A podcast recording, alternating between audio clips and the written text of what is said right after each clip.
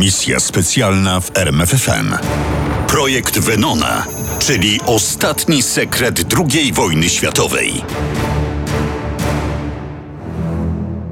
Początek tej historii zrodził się z nieufności, a może przenikliwości amerykańskiego generała Cartera Clarka. Clark był szefem Wydziału Specjalnego Military Intelligence Service. Clark miał rzadką w kręgach Waszyngtonu przypadłość. Nie darzył zaufaniem Stalina i jego folwarku agentów z NKWD.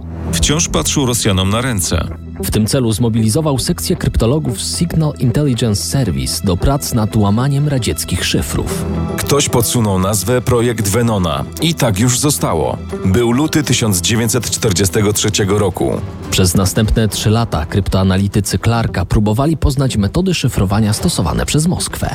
Mijały miesiące i lata, a szyfr radziecki nadal był tylko zlepkiem niezrozumiałych liter. I wtedy pojawił się geniusz, który miał dokonać przełomu. Meredith Gardner. Meredith Gardner, lingwista. Znał siedem języków, w tym japoński, którego podobno nauczył się w trzy miesiące.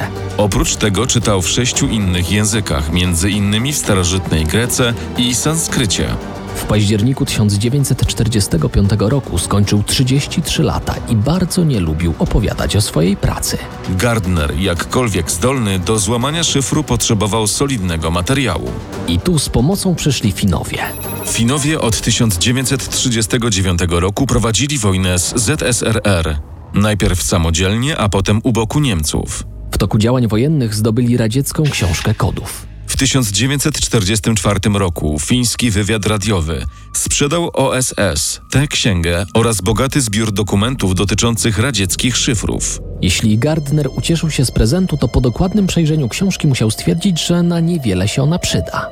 Dlaczego? Okazało się, że zapisane na 1500 stronach kody to tylko część szyfru, ponieważ radzieccy szyfranci stosowali podwójne kodowanie. Czyli raz zaszyfrowany tekst szyfrowali ponownie, używając jednorazowego kodu nadsyłanego z Moskwy. To podwójne szyfrowanie gwarantowało całkowite bezpieczeństwo. O ile ktoś nie popełnił błędu. Taki błąd popełniono dwa razy.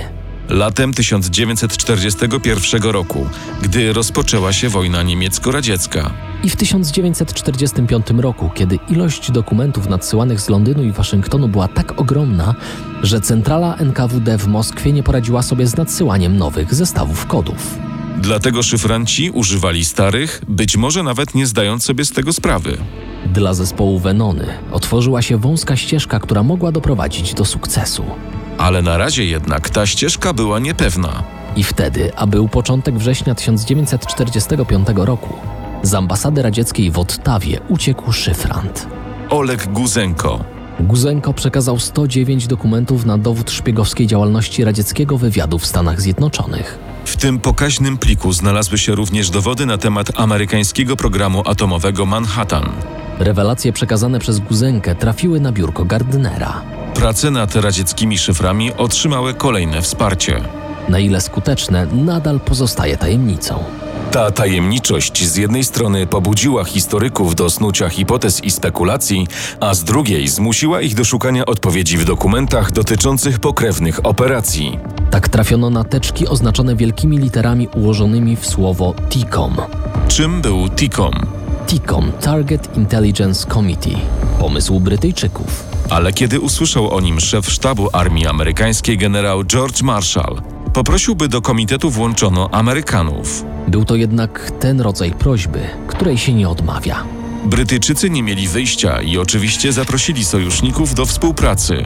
Celem TICOM było utworzenie grup ekspertów kryptologów z Centrum Łamania Szyfrów w Bletchley Park, którym powierzono misję wyruszenia do Niemiec z żołnierzami pierwszej linii i przechwycenie dokumentów, technologii i personelu różnych niemieckich organizacji wywiadowczych, zanim te cenne sekrety zostaną zniszczone bądź przechwycone przez Rosjan. Główne zadanie spadło na głowy specjalistów z ośrodka kryptologicznego w Bletchley Park, w którym pracowali brytyjscy i amerykańscy eksperci od łamania szyfrów nieprzyjaciela. Operacja była niebezpieczna, bo też i na niebezpiecznych terenach mieli polować ludzie z TICOM.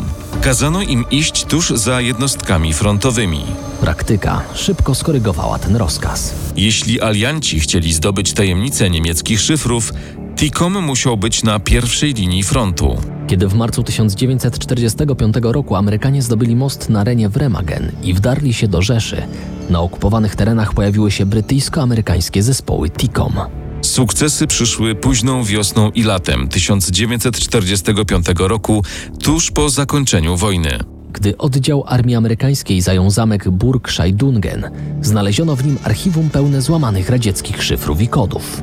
Ponieważ zamek miał przypaść Rosjanom, bo znajdował się w radzieckiej strefie okupacyjnej, Tikom zorganizował szybką ewakuację archiwum. W Sztrup, małej wiosce pod Berchtesgaden, znaleziono teczkę tajnych dokumentów oficera Departamentu Szyfrów Naczelnego Dowództwa Wehrmachtu. Był to pierwszy tak bogaty łup, jaki zdobył TICOM. W centrum komunikacyjnym Luftwaffe w Kaufbeuren odkryto kilka maszyn szyfrujących T-52. Wszystkie były zniszczone, a wierniki zaginęły. Więcej szczęścia miała grupa TICOM buszująca pod Innsbruckiem. To im udało się odnaleźć nietkniętą maszynę T-52 Geheim Schreiber. Pierwszy raz Brytyjczycy dowiedzieli się o istnieniu tych maszyn latem 1941 roku. Nazywali je Fish, ryba. Pół roku później rozpracowali jej system pracy i konstrukcję. Oficer Tikom, porucznik Arthur Levenson, mówił: Chcieliśmy zdobyć te maszyny. Maszyn typu Enigma mieliśmy mnóstwo, a maszyn Fish żadnej. To udało się dopiero po zakończeniu wojny, gdy TICOM zapisał na swoim koncie kolejne sukcesy. Pod Berchtesgaden zatrzymano pociąg feldmarszałka Alberta Kesselringa. Sześć samochodów z maszynami szyfrującymi Lorenz SZ-42. oraz ludzi przeszkolonych do ich obsługi. Przejęto nadajniki i odbiorniki radiowe, a także urządzenie szyfrujące. Cały przejęty konwój niemieckich ciężarówek ruszył w długą drogę na północ. Na terenie Belgii zaatakowali ich mieszkańcy mijanych miast. Wyglądaliśmy jak żołnierze niemieccy, a ponieważ Belgowie byli bardzo wściekli na Niemców, obrzucali nas różnymi przedmiotami. Dostałem jakąś puszką. Na LST, czyli statek desantowy przeznaczony dla czołgów, załadowali się w Ostendzie, a już następnego dnia pracę niemieckiej maszyny podziwiali eksperci z Bletchley Park. Lecz największym sukcesem TICOM było zdobycie maszyny nazywanej przez aliantów Russian Fish. Russian Fish to zestaw niemieckich szerokopasmowych odbiorników służących do przechwytywania radzieckich sygnałów radiowych. Pierwszy zespół TICOM przyjechał do Rosenheim, małego miasteczka na południowy wschód od Monachium, by przesłuchać jeńców, którzy podczas wojny służyli w wywiadzie radiowym armii niemieckiej. Okazało się, że byli oni specjalistami z dekryptażu radzieckich depesz. Niemcy, obawiając się, że zostaną przekazani towarzyszom radzieckim, gorliwie przystąpili do współpracy z Amerykanami. Nie tylko opowiedzieli o swoim kryptologicznym doświadczeniu, ale zdradzili informacje, gdzie jest ukryte urządzenie łamiące radzieckie szyfry. Następnego dnia przekazano Amerykanom 12 skrzyń, 53 skrzynki i 53 pudełka, w których schowana była maszyna. łącznie 7,5 tony. Niemieccy jeńcy kryptolodzy złożyli maszynę i wykonali małą demonstrację jej możliwości. Przy nas przechwytywali rosyjskie depesze, a potem pokazywali nam wszystko, co nas interesowało. Wspominał oficer TICOM porucznik Paul Whitaker. Kiedy prezentacja została zakończona, maszynę rozmontowano i przewieziono do sztabu 7 Armii Amerykańskiej w Augsburgu. Po dwóch tygodniach oczekiwania, 5 czerwca 1945 roku, Russian Fish odjechał do Wielkiej Brytanii. Temat poszukiwań aparatu Russian Fish przeanalizował dokładnie amerykański historyk Randy Reisbeck. Możemy tylko spekulować, jaki wpływ miało odkrycia zespołów TICOM we wczesnym etapie zimnej wojny. Wiadomo, że maszyna Russian Fish wznowiła pracę nad szyframi radzieckimi już w czerwcu 1945 roku. Wiadomo też, że kryptolodzy brytyjscy i amerykańscy dysponowali ogromnym materiałem badawczym. Depeszami, szyframi i analizą kryptoanalityczną przejętą po Niemcach. To wszystko mogło odegrać ważną rolę w powojennej anglo-amerykańskiej wojnie wywiadowczej ze Związkiem Radzieckim. Kopie starych radzieckich depesz w formie mikrofilmów przesłano do Stanów Zjednoczonych. Przez trzy lata kryptolodzy projektu Venona odczytali w całości bądź w znacznym fragmencie olbrzymią ilość kilkunastu tysięcy stron tajnej korespondencji. 20 grudnia 1946 roku Meredith Gardner po raz pierwszy złamał szyfr, który ujawnił przeniknięcie radzieckich szpiegów do projektu Manhattan, czyli badań nad bombą atomową. To był pierwszy kamień, który poruszył lawinę. Wkrótce okazało się, że szpiedzy Stalina znajdują się w departamentach stanu i skarbu oraz w Białym Domu i OSS, czyli wywiadzie Stanów Zjednoczonych. Donosili do Moskwy o strategii polityki zagranicznej Waszyngtonu. Ilu było szpiegów radzieckich w Ameryce? Podczas II wojny światowej FBI wiedziało tylko o pięciu. W wyniku prac Venony poznano ponad 200 agentów pracujących dla Moskwy na różnych stanowiskach. w tym Donalda McLeana i Gaya Burgessa, znanych z działalności w ramach piątki z Cambridge. Również niemiecki fizyk emigrant Klaus Fuchs, pracujący nad brytyjskim i amerykańskim programem atomowym. Jako zagorzały komunista dał się łatwo przekonać do szpiegowania dla Moskwy. Nie trzeba było specjalnie zachęcać do współpracy innego zapalonego komunistę Davida Greengrassa, jego siostrę Ethel i jej męża, Juliusa Rosenberga. Nikita Chruszczow na stronach autobiografii przyznał, że małżeństwo Juliusa i Ethel Rosenbergów w największym stopniu przyczyniło się do sukcesu radzieckiego programu atomowego. Złapani w 1950 roku Rosenbergowie stanęli przed sądem. 19 czerwca 1953 roku, około godziny 20 w więzieniu Sing Sing, wykonano na nich wyrok kary śmierci. Pomimo sukcesów programu Venona i TICOM, tożsamości wielu ze szpiegów Stalina nie znamy do dziś. Historyków interesuje między innymi tajemniczy szpieg o kryptonimie 19. Kim był? Zdaniem jednych to prezydent Czechosłowacji Edward Benesz. Ale inni idą dalej w swoich dywagacjach i widzą w dziewiętnastce Harego Hopkinsa. Hopkins był doradcą prezydenta Roosevelta do spraw polityki zagranicznej. W toku badań historycznych okazało się, że Hopkins wprawdzie był najważniejszym ze wszystkich radzieckich agentów w Stanach Zjednoczonych. Ale nie on występował pod szyldem dziewiętnastki. Ten kryptonim nosił Lawrence Dagan, szef południowoamerykańskiego wydziału w Departamencie Stanu.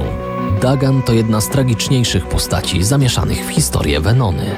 Trzy dni po przesłuchaniu przez FBI w grudniu 1948 roku popełnił samobójstwo. W niewyjaśnionych okolicznościach. Wówczas zimą 1948 roku w centrali radzieckiego wywiadu wiedziano już o postępach projektu Venona. Poinformował o tym szyfrant wojskowej agencji bezpieczeństwa ASA, William Weisband. Weisband również został ofiarą programu Venona. Wpadł w 1950 roku. Jednak mimo niezbitych dowodów na jego pracę dla wroga, skazano go tylko na rok za niezgłoszenie się do sądu. Skąd tak niski wyrok? Ktoś wysoko postawiony w agencji wywiadu stwierdził, że ważniejsze jest zachowanie w tajemnicy projektu Venona niż skazanie jednego już zdemaskowanego, a zatem niegroźnego szpiega. Tymczasem Moskwa zmieniła szyfry i napływ wiadomości został przerwany. Poszukiwania algorytmu radzieckich szyfrów należało zacząć od nowa. Przeczucie, a być może mądrość nie zawiodły generała Cartera Clarka. Jego pomysł, projekt Venona wsparty zdobyczami zespołów TICOM, podkopał działania radzieckiego wywiadu w Stanach Zjednoczonych w przededniu rozpoczęcia zimnej wojny. I mimo, że tacy agenci jak Weisband informowali Moskwę o postępach Venony, wielu agentów już nie udało się uratować. Misja specjalna w RMFFM. Na tropie największych tajemnic historii.